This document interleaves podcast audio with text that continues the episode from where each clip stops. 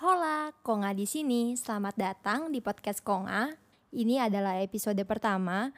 Terima kasih udah bersedia ngeklik podcast ini dan selamat mendengarkan.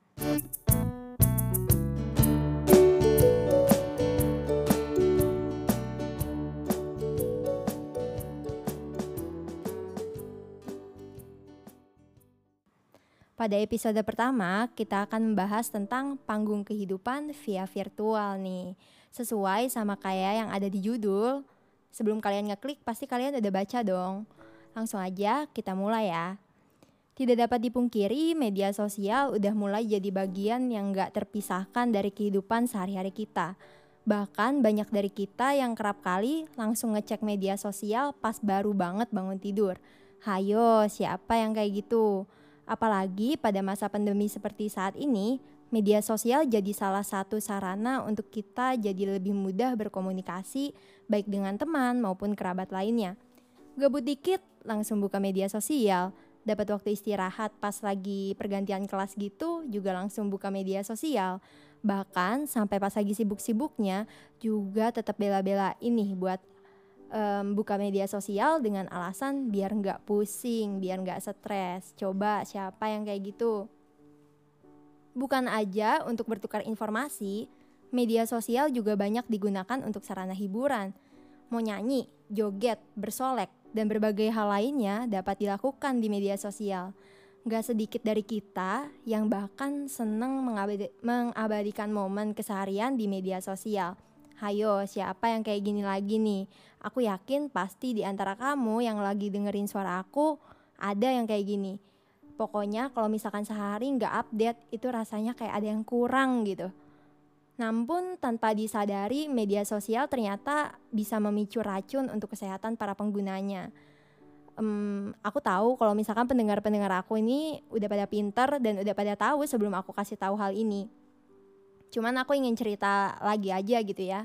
Berdasarkan data yang dimuat di nationalgeographic.grid.id menyatakan bahwa peneliti di Universitas Pennsylvania memperoleh hasil terkait adanya hubungan yang kuat dan jelas antara penggunaan media sosial dengan peningkatan depresi dan kesepian. Media sosial dapat memungkinkan para penggunanya untuk membandingkan kehidupan pribadinya dengan orang-orang yang dilihatnya pada media sosial. Nah, dalam dunia ilmu komunikasi, permasalahan ini dapat dikaitkan dengan salah satu teori, yaitu teori dramaturgi. Terus apa sih teori dramaturgi itu? Mungkin di antara kalian ada yang udah tahu dan gak asing dengan teori ini. Tapi buat kamu yang belum tahu, aku jelasin deh secara singkat ya. Teori dramaturgi ini menganggap kehidupan kita seperti sebuah panggung pertunjukan yang memiliki kisah, di mana setiap orang jadi aktor dalam panggung pertunjukan tersebut dan berusaha memerankan peran yang dimainkannya. Jadi, secara gampangnya, teori dramaturgi itu e, menganggap bahwa kita nih, manusia yang sedang hidup saat ini, adalah se uh, seorang aktor yang lagi memainkan perannya dan dua, uh, dan dunia ini itu diibaratkan sebagai panggung pertunjukannya. Kenapa sih perkara ini bisa disangkut pautin dengan teori dramaturgi? Ada yang tahu nggak? Jadi dalam media sosial, setiap orang tuh sedang berusaha menciptakan citra dan reputasi yang baik sehingga setiap dari mereka nggak mungkin nunjukin sisi diri mereka yang seutuhnya nih kepada semua pengikutnya di media sosial. Sebagai contoh, banyak di antar kita yang memanage akun media sosial dengan sebaik-baiknya, mengunggah foto-foto terbaik, bahkan sampai menyamakan warna pada feeds. Hayo, kamu gitu kan? Hmm, bagaimana e, berbagai upaya yang dilakukan udah jelas untuk ningkatin citra dan reputasi kita di mata orang banyak. Hal ini yang kerap kali dilupakan oleh para pengguna media sosial. Ketika sedang melihat unggahan milik orang lain, perasaan bahwa hidup mereka kok enak banget ya, kayak nggak ada beban, sering kali muncul di benak para pengguna media sosial. Dan aku nggak mau berbohong kalau aku juga kadang-kala masih suka melakukan hal itu gitu, secara nggak sadar. Padahal di balik layar, ada berbagai hal yang juga dialami dan dirasakan oleh orang-orang yang mengunggah postingan tersebut. Sama halnya dalam panggung pertunjukan, sebuah drama nih, di atas panggung mereka bisa memerankan karakter dengan begitu hebatnya. Namun seberapa hektik dan stresnya mereka sebenarnya itu baru bisa kita saksikan ketika kita mau coba nih ngintip apa yang mereka lakukan di belakang panggung pertunjukan yang mereka selenggarakan. Bagaimana persiapan mereka sampai mereka bisa tampil sehebat itu dan sekeren itu di atas panggung. Akan tetapi, media sosial juga punya banyak dampak positif, gak cuma dampak negatif aja. Saat ini media sosial bisa digunain sebagai sarana untuk nyalurin hobi, perasaan, dan pemikiran, bahkan bisa juga jadi media untuk memperoleh pengetahuan, juga pemasukan alias cuan kalau kata orang-orang dari etnis Tionghoa. Contoh nyatanya, kayak yang sedang Konga lakuin saat ini, daripada depresi karena mikirin hidup orang lain kan, lebih baik pandang media sosial dari sisi yang berbeda, Berawal dari coba-coba, ya siapa tahu bisa jadi karya. Kata siapa media sosial cuma bisa bawa racun buat penggunanya? Kamu, ya kamu yang lagi dengerin suara aku ini, kamu bisa tebas pernyataan itu dengan memanfaatkan media sosial sebaik-baiknya. Sebaik-baiknya kayak gimana? Kayak stalkerin doi pakai fake account gitu. Ya boleh sih kayak gitu, tapi coba deh yang lebih berbobot dikit kan. Kayak kamu suka nyanyi, main musik, nulis, make up, masak, atau sekedar sharing pengalaman yang kamu punya juga bisa. Perlu diingat dan ditanamkan di dalam otak setiap dari kita nih.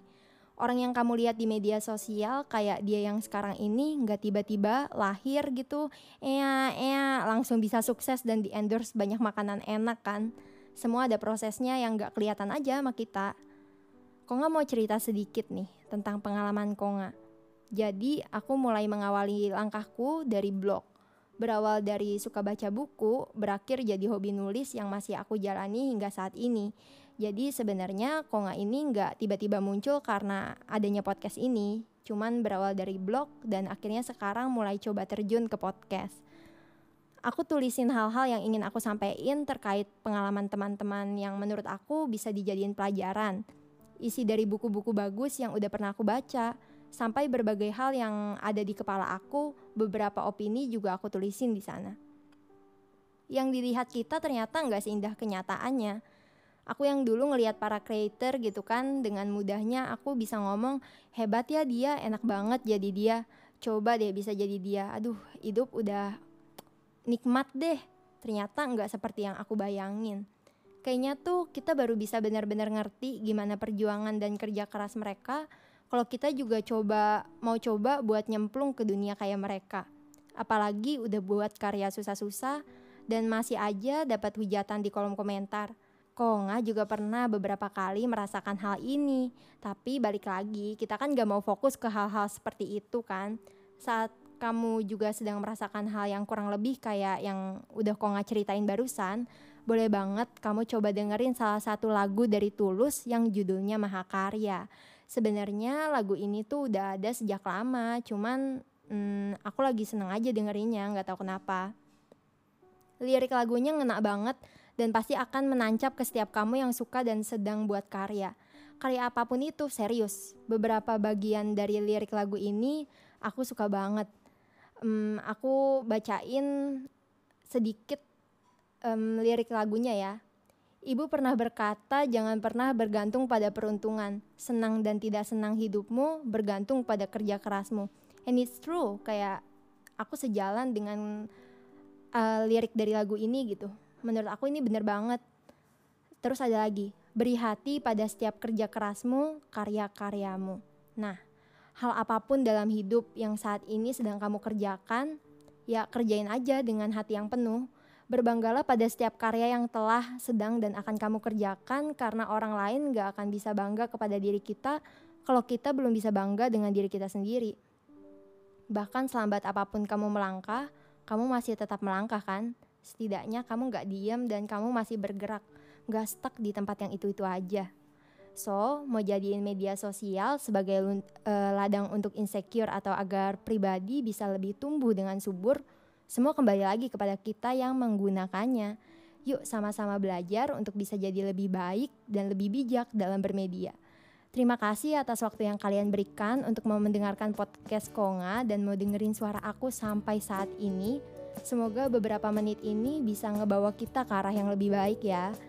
Oh ya, buat teman-teman yang suka baca, boleh banget nih mampir ke blog Konga. Buat dapetin linknya, kalian bisa lihat di bio IG aku at Yovita Sampai jumpa di episode Konga berikutnya. Bye-bye.